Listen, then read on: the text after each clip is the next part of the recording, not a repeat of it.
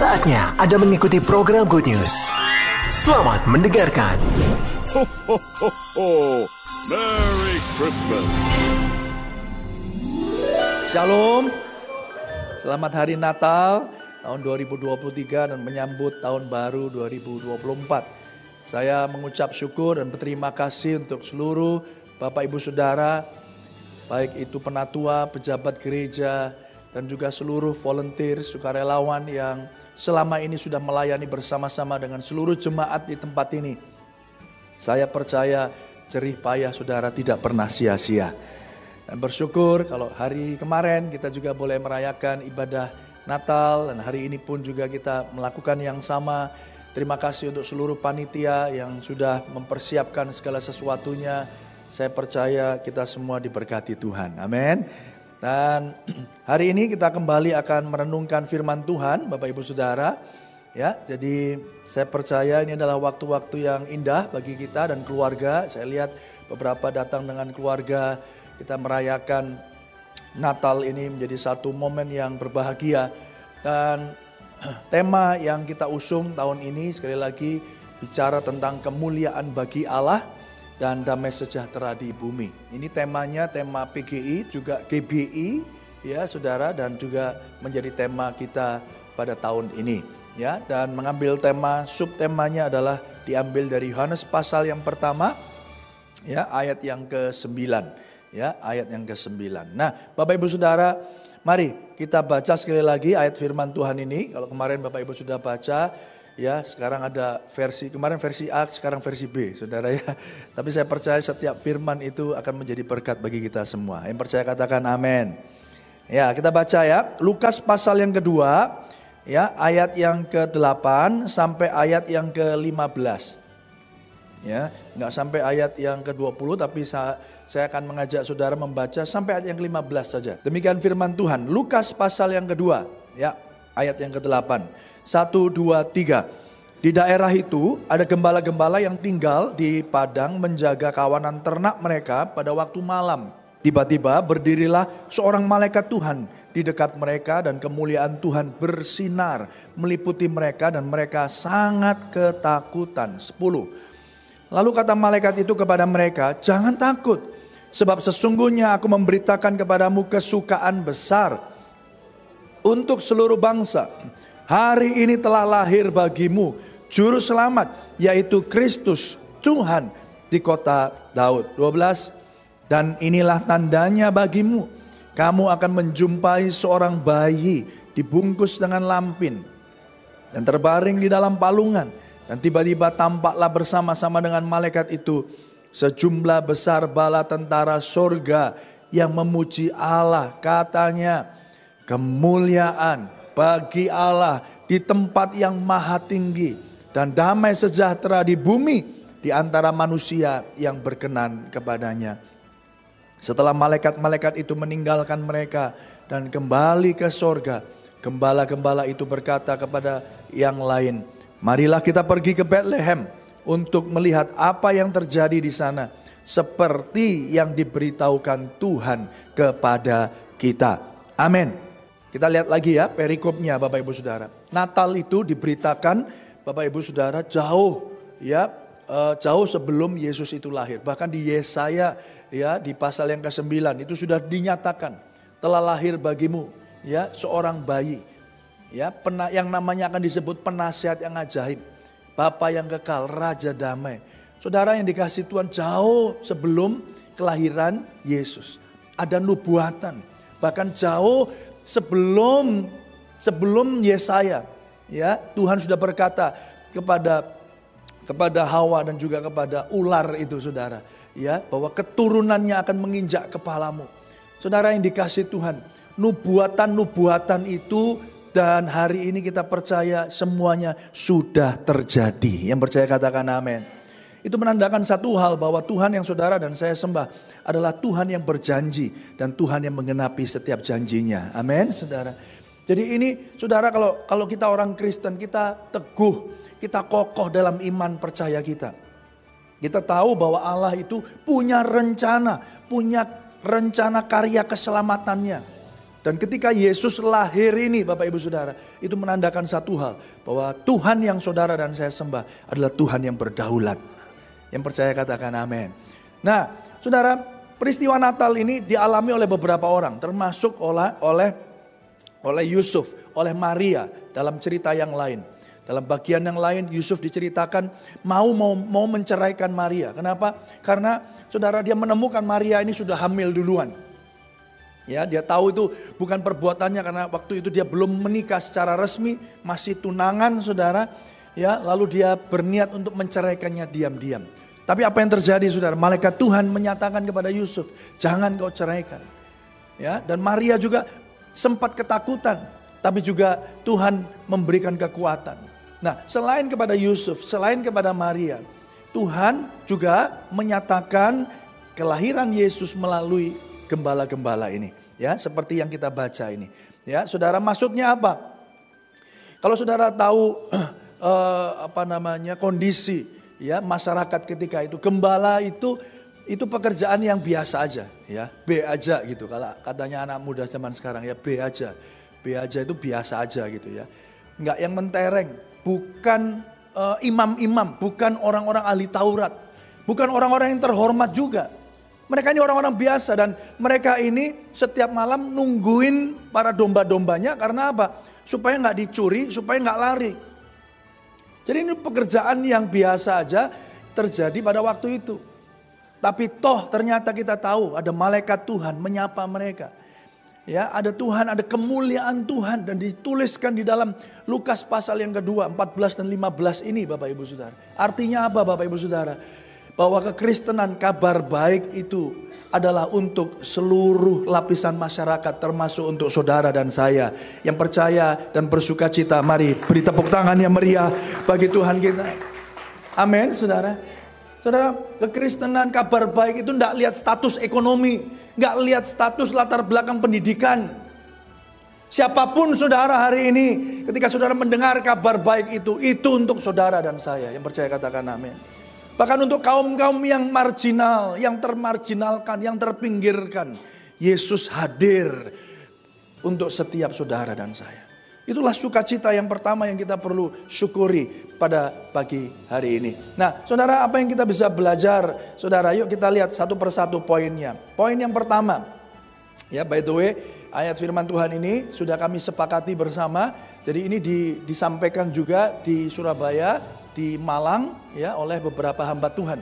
Jadi kemarin saudara secara serentak ada tiga lokasi atau empat lokasi yang yang yang yang termasuk Surabaya ini ya menyampaikan berita yang sama. Jadi harapannya ke depan Bapak Ibu Saudara jemaat GPI Diaspora Sejahtera di mana pun uh, saudara berada dapat uh, suara pengembalaan yang sama. Amin Bapak Ibu Saudara. Jadi Berita ini juga didengar oleh teman-teman kita di Malang, namun disampaikan oleh hamba-hamba Tuhan yang berbeda. Tapi intinya sama, ya. Oke, yang pertama poinnya, terang dan kemuliaan Allah menyingkapkan dosa dan keterbatasan kita. Yuk kita baca sama-sama ya. Satu, dua, tiga.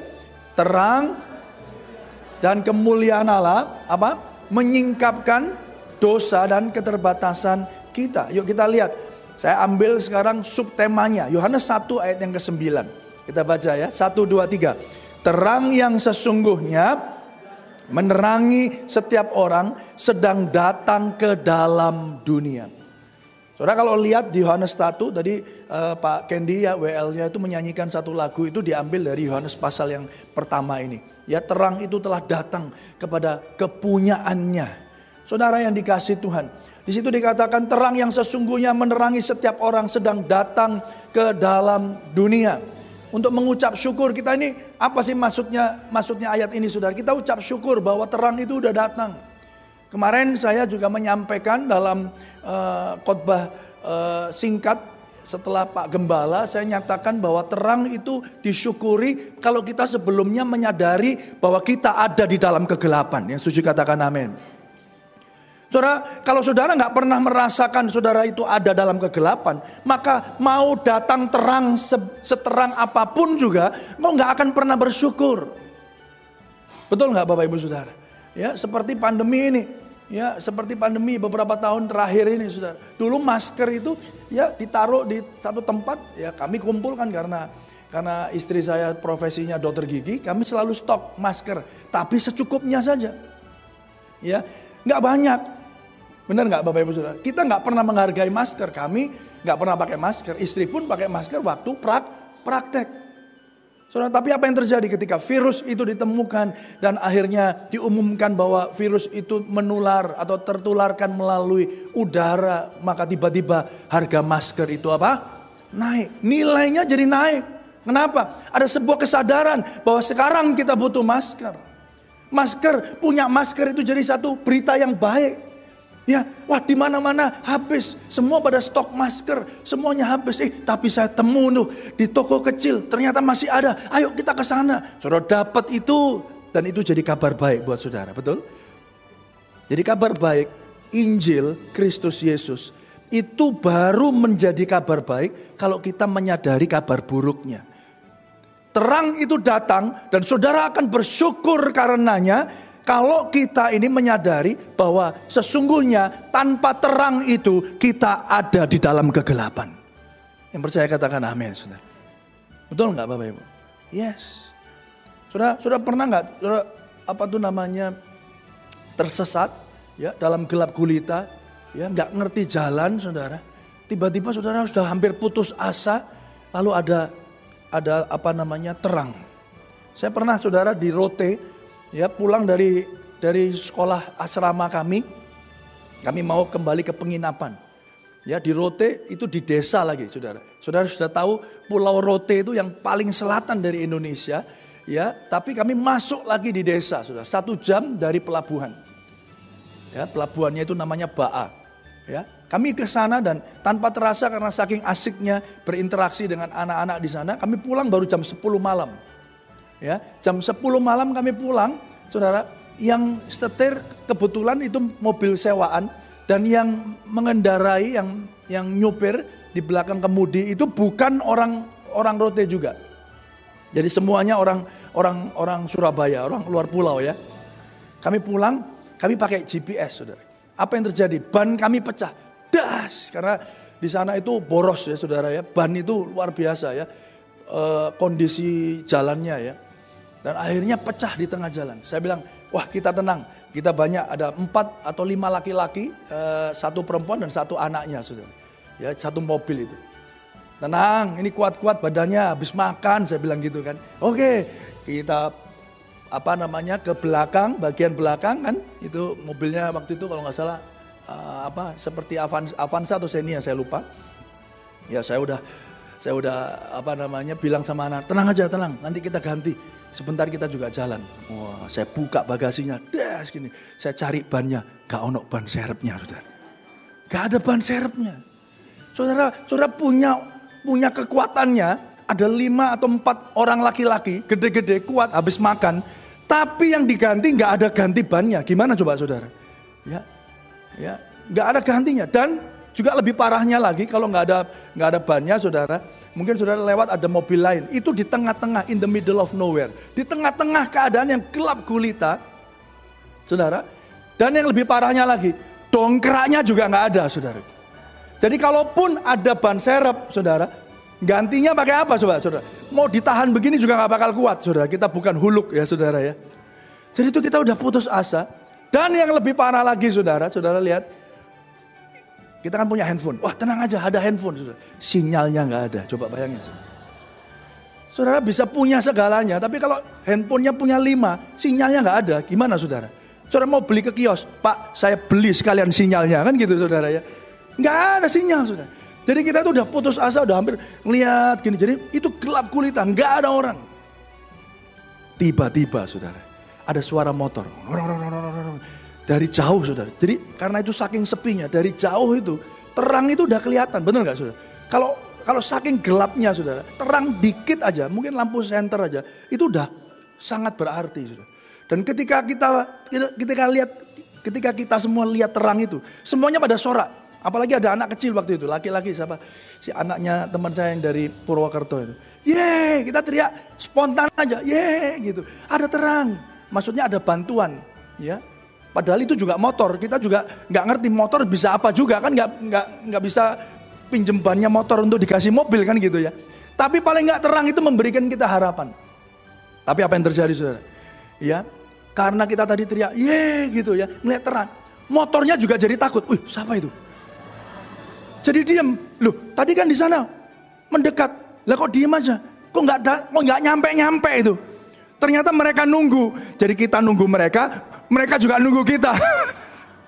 Nah, gitu. Kenapa saudara? Ternyata di daerah situ banyak begal. Walaupun mereka orang lokal, takut juga saudara ya. Padahal mereka cowok-cowok goncengan saudara. Ya jadi mereka, jadi ketika kita sampai akhirnya kita jelaskan, Pak kami butuh. Kenapa Bapak tadi kok nunggu lama? Loh saya pikir tadi begal karena ada yang teriak-teriak. Saudara bisa bayangin saudara. Jadi sana nunggu, kita nunggu. Ya loh Kok nggak datang-datang? Kok nggak datang-datang? Sana juga nunggu. Eh siapa tuh? Siapa? Oh rame-rame nih. Wah kita dikeroyok itu. Hampir aja putar balik saudara. Saudara bisa bayangin ya.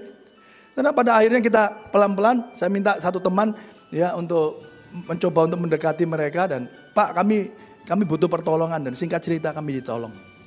Ya, kami ditolong. Ada orang yang dari uh, persewaan mobil akhirnya bisa di dihubungi saudara cari sinyal dulu saudara di pulau itu baru ketemu. Jadi hampir satu jam kami ada di situ. Tapi apa yang saya mau sampaikan bapak ibu saudara? Ketika pertolongan itu datang kami begitu menghargai yang namanya dongkrak dan ban serep betul nggak? Sebelumnya kami nggak pernah mikir jalan-jalan aja masuk masuk mobil aja duduk pokoknya nyampe. Nggak pernah kan kita berpikir eh dongkraknya ada nggak? Ban serepnya ada nggak? Ban serep ada, belum tentu bisa dipakai, betul nggak pak?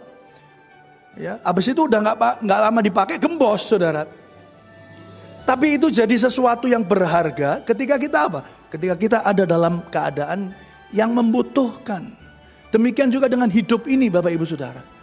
Mari di momen Natal ini kita kembali mengingat. Kenapa Yesus harus lahir? Kenapa dikatakan firman itu menjadi manusia? Dan firman itu bersama-sama dengan Allah. Dan firman itu telah menjadi manusia. Terang itu sudah datang. Artinya apa? Terang itu memberikan pengharapan, menyadarkan kepada manusia bahwa sesungguhnya tanpa terang itu kita ada di dalam kegelapan dan menuju kepada kebinasaan total, kekal untuk selama-lamanya. Tapi syukur kepada Allah karena kasihnya yang besar, dia mengirimkan anaknya yang tunggal, Yesus Kristus untuk memberi pengharapan kepada saudara dan saya yang percaya kepadanya. Ayo beri tepuk tangan yang panjang bagi Tuhan kita. Haleluya. Amin. Bersyukur saudara. Saya katakan Natal bukan bukan soal kado, bukan soal liburan, bukan soal hal-hal yang lain. Walaupun kita tahu hari ini Natal itu dirayakan oleh begitu banyak orang. Di negara-negara yang non muslim, non Kristen aja saudara, itu pohon Natal gede-gede lebih besar daripada yang ada di negara-negara Kristen. Saudara ya. Tapi apa yang terjadi saudara? Apa makna Natal sesungguhnya bagi saudara? Yang, percaya, yang pertama adalah Mari kita sadari bahwa terang dan kemuliaan Allah itu menyingkapkan dosa dan keterbatasan kita. Makanya Bapak Ibu Saudara, gembala-gembala itu sempat takut. Eh gila ya terang datang, malaikat kemuliaan Allah bersinar. Saudara yang kedua, cepat yang kedua saudara. Kemuliaan Allah itu mendatangkan sukacita dan bukan ketakutan yang percaya katakan amin. The good news, kabar baik itu bagi dunia. Dikabarkan terang itu sudah datang. Bukan untuk orang Israel saja. Bukan orang untuk satu suku bangsa saja. Tetapi untuk seluruh suku bangsa termasuk saudara dan saya. Saudara yuk kita lihat Bapak Ibu Saudara. Ayatnya, ayat yang ke-10. Lalu kata malaikat itu kepada mereka, jangan takut. Sebab sesungguhnya aku memberitakan kepadamu kesukaan besar. The great joy kabar baik, the good news. Makanya kekristenan itu disebut the good news, kabar baik. Kabar kesukaan. Kenapa? Karena sebelumnya ada kabar duka cita. Karena sebelumnya ada ada madesu masa depan suram. Tapi karena Kristus kita mendapatkan kesukaan yang besar untuk seluruh bangsa. Garis bawahi itu Saudara. Saya kasih huruf tebal, seluruh bangsa. Artinya apa? Bukan cuma untuk orang Israel saja. Tapi untuk saudara dan saya. Hari ini telah lahir bagimu juru selamat. Tuhan, malaikat Tuhan nggak ngomong gini, hari ini telah lahir bagimu seorang nabi yang hebat. Hari ini telah lahir bagimu seorang guru agung yang luar biasa. Yang akan menasehati kamu untuk supaya kamu bisa menjalankan hidup ini sampai menuju pada surga. Tidak. Makanya ya, dengar baik-baik. Kekristenan itu bukan nasihat baik. Bukan nasihat baik. Kekristenan itu kabar baik. Bedanya apa? Kalau nasihat, saya nasihati istri saya, istri saya yang ngelakoni, istri saya yang menjalankan.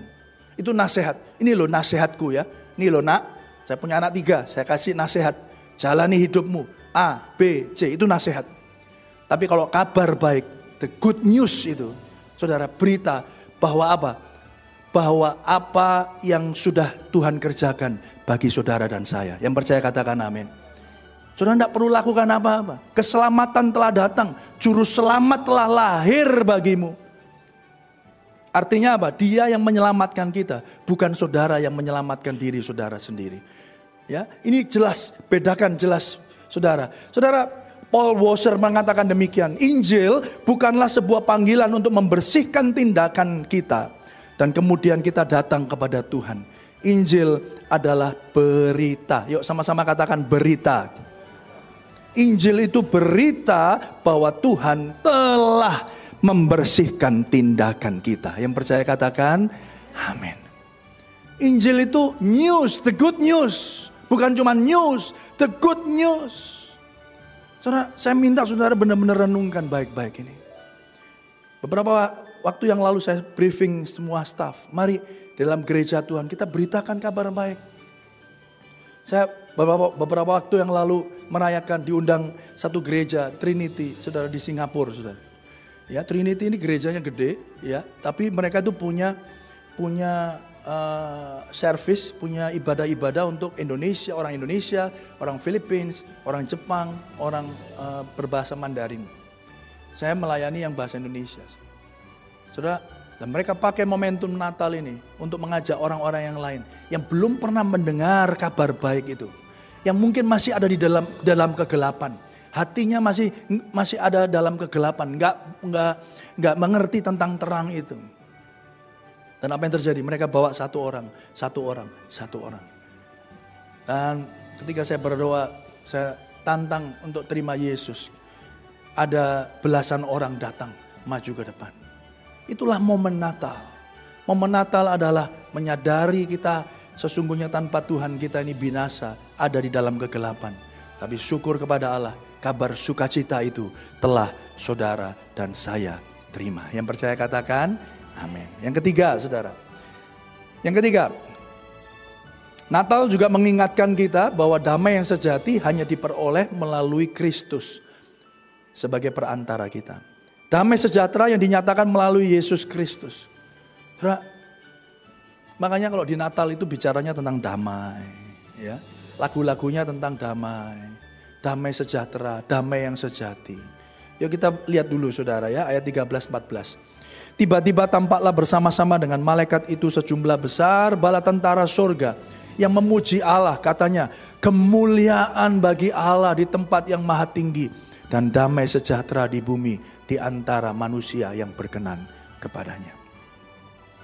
Kalau saudara benar-benar merenungkan ini dan saya berdoa saudara lakukan itu. Saudara akan sadari betul bahwa damai itu hanya ada di dalam Tuhan. Damai itu ada di dalam Tuhan kondisi dunia bisa hancur berantakan. Situasi masa depan bisa tidak menentu, saudara. Orang mencari damai dengan segala macam cara. Ya, tapi sesungguhnya damai itu bisa ditemukan pada satu pribadi, yaitu di dalam Yesus Tuhan. Alexander McLaren, seorang teolog yang sangat senior, saudara, dia mengatakan begini. Kedamaian itu bukan datang dari tidak adanya masalah, tapi datang dari hadirat Tuhan. Yang percaya katakan, artinya apa? Dunia yang saudara hadapi ini boleh hancur berantakan. Segala sesuatunya boleh tidak karu-karuan. Ya, damai itu bukan berarti saudara hidup tanpa masalah. Bukan. Damai itu artinya apa? Walaupun kau punya masalah, walaupun dunia ini terjadi terjadi kekacauan, Walaupun dunia ini menjadi tidak menentu, saudara, tetapi engkau mendapatkan damai dari hadirat Allah yang dinyatakan melalui Yesus Kristus. Yang percaya katakan amin. Beri tepuk tangan yang meriah bagi Tuhan kita. Jadi hari ini saudara punya harapan. Hari ini kita memiliki damai itu. Cari damai itu di tempat yang benar. Jangan cari di tempat yang keliru. Jangan cari di pekerjaanmu, jangan cari bahkan di pelayananmu, saudara. Jangan cari di tempat yang lain, jangan cari damai itu dari pengakuan orang lain. Cari damai itu pada satu pribadi yang tepat, yang telah menjadi perantara bagi kita, yang telah mendamaikan kita dengan Allah, supaya kita memiliki hati yang penuh damai sejahtera. Yang percaya katakan amin. Saudara yang dikasih Tuhan. Oleh karena itu hari ini Bapak Ibu Saudara yang dikasih Tuhan. Mari kita menyadarkan diri. Kita mengingatkan kembali diri kita. Di mana kita cari damai itu. Bukan di tempat-tempat yang lain. Saudara, Natal juga bicara begini. Dia yang akan disebut apa? Immanuel. Sama-sama katakan Immanuel. Immanuel. Saudara nggak ada yang lebih indah dari perjalanan kehidupan orang Kristen selain menyadari bahwa Allah yang dia sembah Allah yang menyertai dia. Tidak ada yang lebih indah. Oh saya diberkati pak. Saya dapat mujizat. Saya sembuh. Puji Tuhan. Oh saya tidak ada pekerjaan. Tiba-tiba ada orang nawari pekerjaan. Ini mujizat. Ini miracles. Haleluya. Tapi tidak ada berkat yang lebih indah. Bagi saudara dan saya sebagai orang percaya hari ini. Selama kita merayakan Natal Daripada apa Bapak Ibu Saudara? Daripada sebuah kebenaran, sebuah fakta bahwa Tuhan yang saudara dan saya sembah bukan Tuhan yang jauh. Tuhan yang bersama dengan saudara. Yang percaya katakan amin. Coba renungkan baik-baik ini. Gak ada yang lebih indah saudara. Gak ada yang lebih indah. Saudara, anak-anak kita aja ya. Saya percaya yang lebih lebih lebih indah uh, daripada segala sesuatu adalah bagaimana saudara bisa menyertai perjalanan hidup mereka. Gak ada yang lebih indah dari itu. Mereka tahu ada papa mama, ada ayah bunda, ya ada bapak ibu yang ada buat mereka. Demikian saudara dan saya. Demikian saudara dan saya. Ya, banyak kok cerita, banyak kesaksian bahwa segala sesuatu itu bisa didapatkan. Tapi damai yang sejati hanya didapat dari Tuhan. Yang keempat, yang terakhir saudara. Injil bukan hanya sebuah cerita, tetapi kuasa yang mengubahkan kita. Injil itu bukan dongeng. Natal itu bukan cuma dongeng yang dirayakan. Ya, dirayakan sebagai sebuah perayaan satu agama. Saudara, bukan. Injil itu Injil yang mengubahkan. Makanya saya kemarin juga sampaikan bahwa bukti bahwa saudara telah menerima Yesus Kristus sebagai Tuhan dan Juru Selamatmu adalah hidupmu tidak akan pernah sama lagi. Hidupmu selantiasa ada di dalam perubahan. Ya, sempurna belum, berubah pasti, prosesnya terus menerus. Yesus semakin besar, Kris, apa, diri kita semakin kecil.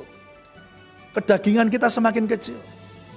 Ya, semakin kita dewasa dalam Tuhan, semakin kita tidak tidak apa tuh Bapak Bapak, Bapak Ibu tidak kembali mengingini dunia ini. No. Saudara bisa dapetin semuanya. Tapi hartamu, sorry, hatimu tidak pada hartamu lagi. Tidak ada pada pada apa yang kau miliki lagi, kebanggaanmu lagi, jabatanmu lagi. No. Itulah tandanya Yesus semakin besar dalam hidup kita. Yang percaya katakan amin. Saudara yang dikasih Tuhan, ya, tetapi kuasa yang mengubahkan kita. Setiap kita dipanggil untuk memberitakan kabar baik itu bagi sesama.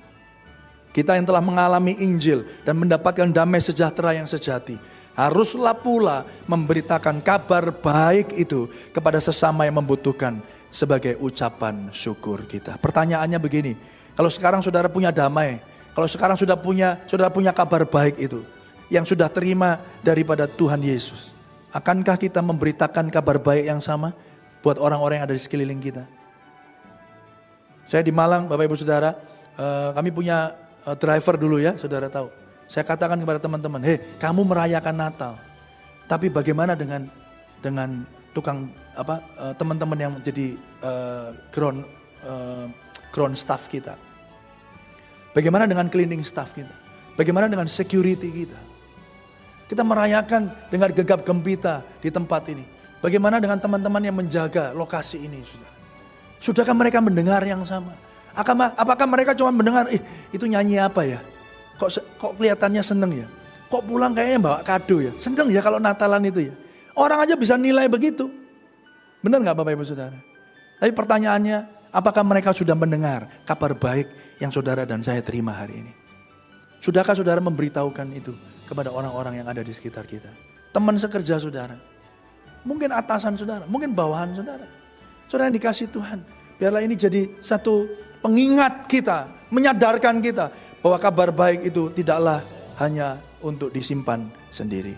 Melalui Natal kita diingatkan akan berita Injil yang membawa kesukaan besar dan damai yang sejati. Slide terakhir, bukan untuk kita nikmati sendirian, tetapi diberitakan kepada sesama. Yang setuju katakan amin. Amin, saudara. Yes. Saudara di tempat ini pun saya mau katakan Bapak Ibu Saudara, ada orang-orang ya yang dipakai Tuhan untuk memberitakan itu kepada kabar baik itu kepada diri kita. Benar gak Bapak Ibu? Coba dipikir baik-baik. Dulu waktu jadi Kristen, siapa yang ngasih tahu dulu tentang Yesus? Saya percaya ada begitu banyak kesaksian. Iya Pak, dulu teman kerjaan saya Dulu saya waktu itu sudah hampir putus asa mau bunuh diri. Ternyata dia datang mendoakan saya. Wah iya dulu itu ada klien saya. Yang kasih tahu, yuk daripada kamu putus asa, ikut aku ke gereja. Dan saudara sampai hari ini kau menerima Yesus sebagai Tuhan dan Juru Selamat saudara. Mari syukuri Bapak Ibu saudara. Saya akan tutup dengan satu kesaksian. Waktu kemarin saya di Singapura saudara. Setelah selesai uh, acara Natal, ada satu ibu-ibu datang mendekati saya. Dia katakan, Pastor terima kasih, saya sungguh diberkati. Saya mau pastor mendoakan mendoakan teman yang saya ajak. Saya bilang, iya ibu dari mana? Kebetulan dia dari Sumba. Saya waktu itu cerita, saya punya uh, sekolah di Rote sama di Kupang. Oh dia senang sekali. Oh di Sumba mana? Sumba Barat. Oh di Waikabuba. Iya di Waikabuba. Waduh senang bisa ketemu ibu di sini. Iya Ternyata dia adalah seorang pegawai migran Indonesia alias TKI, saudara. Kan namanya sekarang bukan TKI lagi, tetapi pegawai migran Indonesia. Dia udah tujuh tahun kurang lebih Bapak Ibu sudah sudah di sana. Pak, saya mau Bapak doakan. Pastor, saya mau Pastor doakan teman saya yang saya ajak hari ini. Siapa dia? Sudah tahu siapa dia?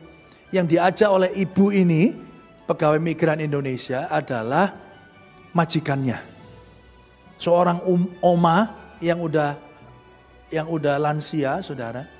Dan oma ini tinggal sendirian dan dia benar-benar menggantungkan hidupnya kepada ibu yang dari Sumba ini. Ya, dia jadi home care, ya ibu ini untuk merawat oma yang sudah tua ini. Ya, oma ini saudara tidak punya siapa-siapa. Dia tidak menikah, tidak punya anak, tidak punya saudara. Jadi dia di Singapura tinggal sendirian. Dan matanya udah nggak bisa melihat jauh lagi. Udah rabun sama sekali hampir nggak kelihatan. Karena satu saat si ibu pegawai migran ini diteguhkan Tuhan. Kamu bentar lagi mau Natalan. Itu gereja bilang, ayo ajak satu orang siapa yang mau diajak ke kebaktian Natal. Dia berdoa, dia berdoa, dia berdoa.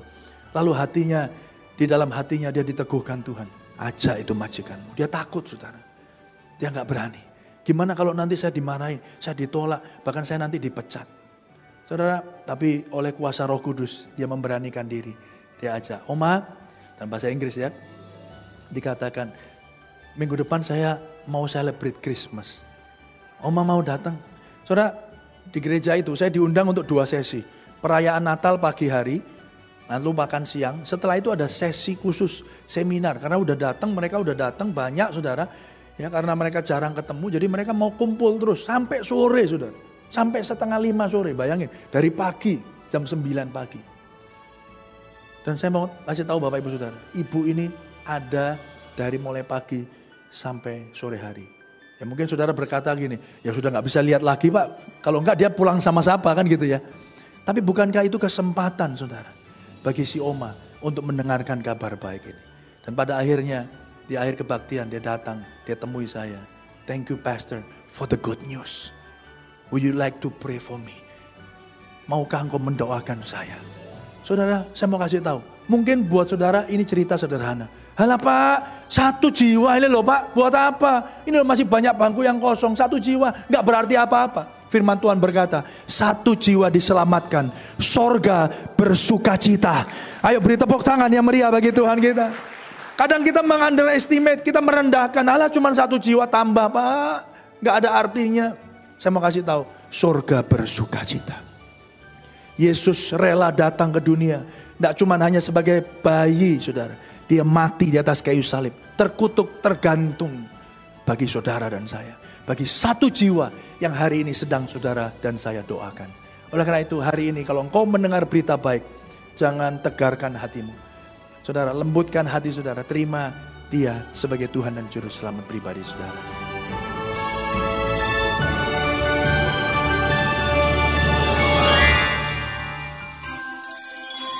Terima kasih untuk Anda yang sudah mendengarkan program Good News yang dipersembahkan oleh Radio Sejahtera. Untuk Anda yang rindu mendapatkan layanan konseling dan dukungan doa, silakan menghubungi hotline 0812 3333 6392. Para konselor dan para pendoa Diaspora Sejahtera Caring Ministry siap untuk melayani Anda.